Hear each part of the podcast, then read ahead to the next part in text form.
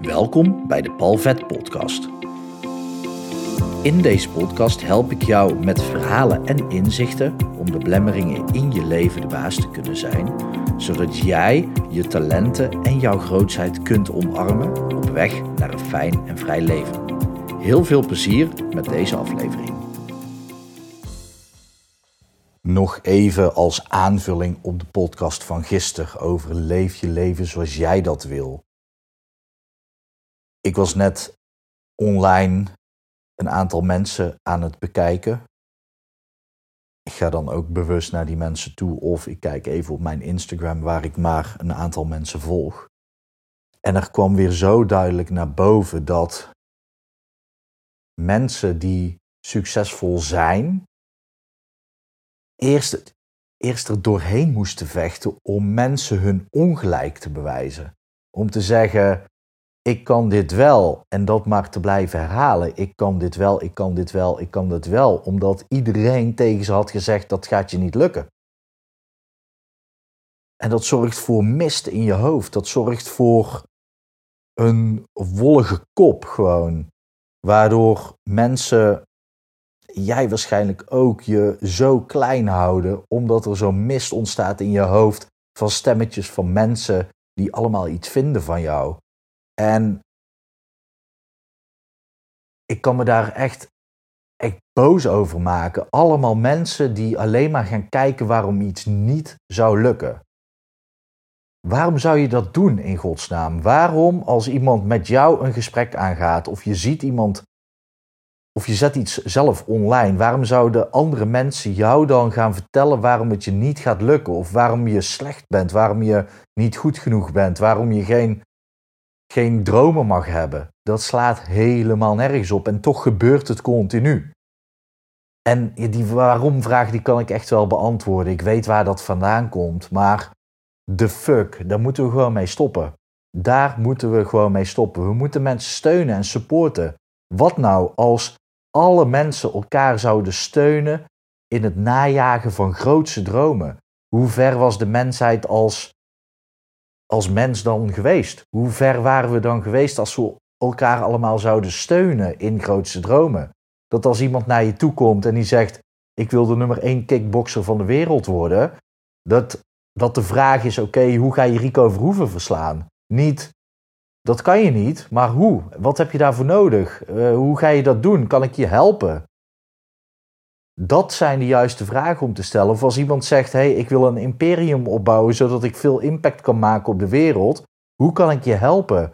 Wat, hoe zie je dat voor je? En hè, waar, waar moet je nog meer aan denken om dat allemaal voor elkaar te krijgen? Wie heb jij te zijn om dat voor elkaar te krijgen?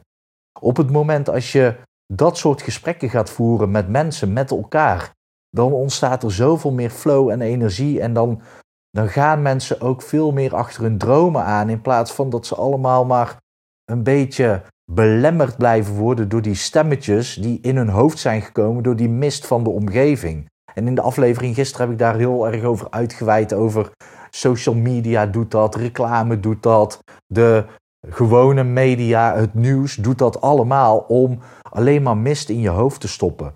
En niet al die dingen uh, doen dat allemaal bewust. En zelfs mensen om je heen die proberen jou waarschijnlijk te beschermen tegen die grootsheid.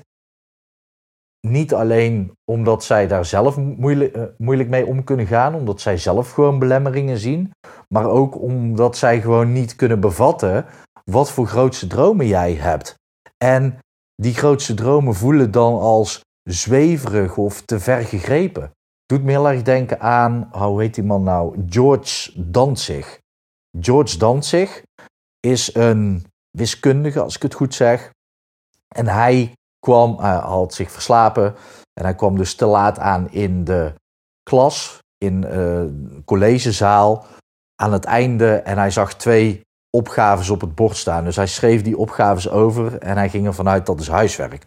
Dus hij gaat terug naar huis en was aan het zoeken en zoeken en zoeken. Het lukte maar niet, want hij had natuurlijk die les niet bijgewoond.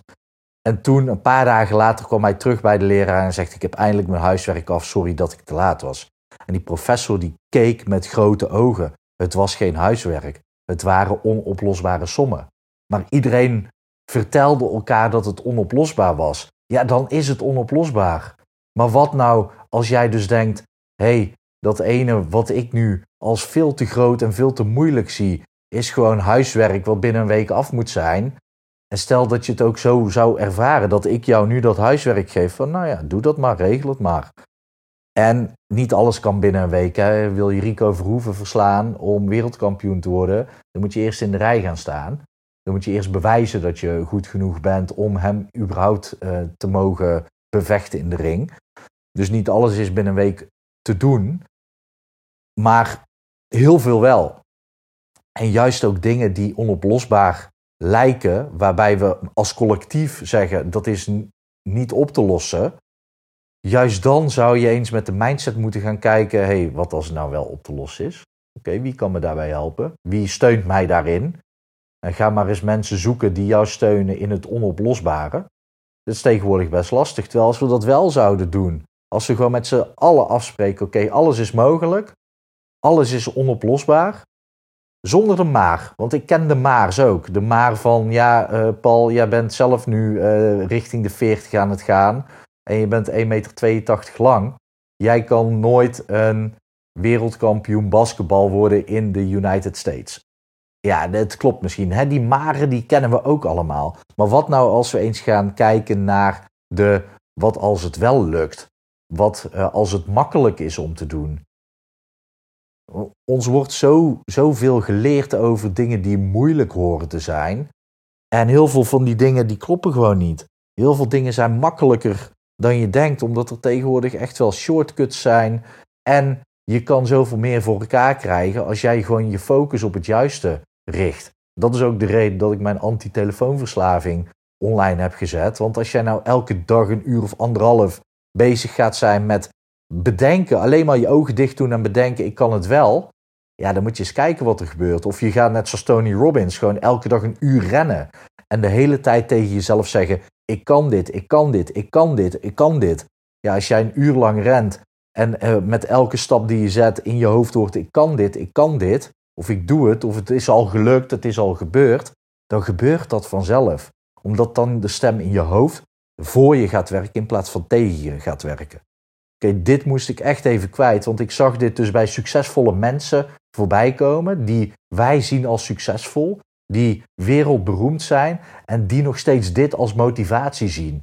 Omdat ze dus de hele tijd maar hebben te bewijzen aan anderen dat zij ongelijk hebben, die andere mensen. Dat zij ongelijk hadden en nog steeds hebben dat het ze niet gaat lukken.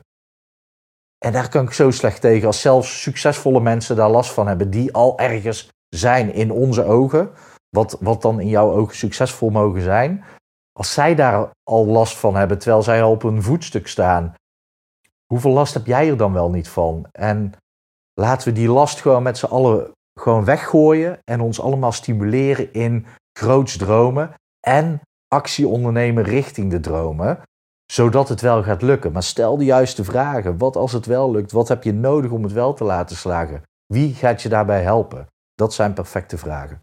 Oké, dit was mijn rant. Ik rant niet vaak, deze keer wel.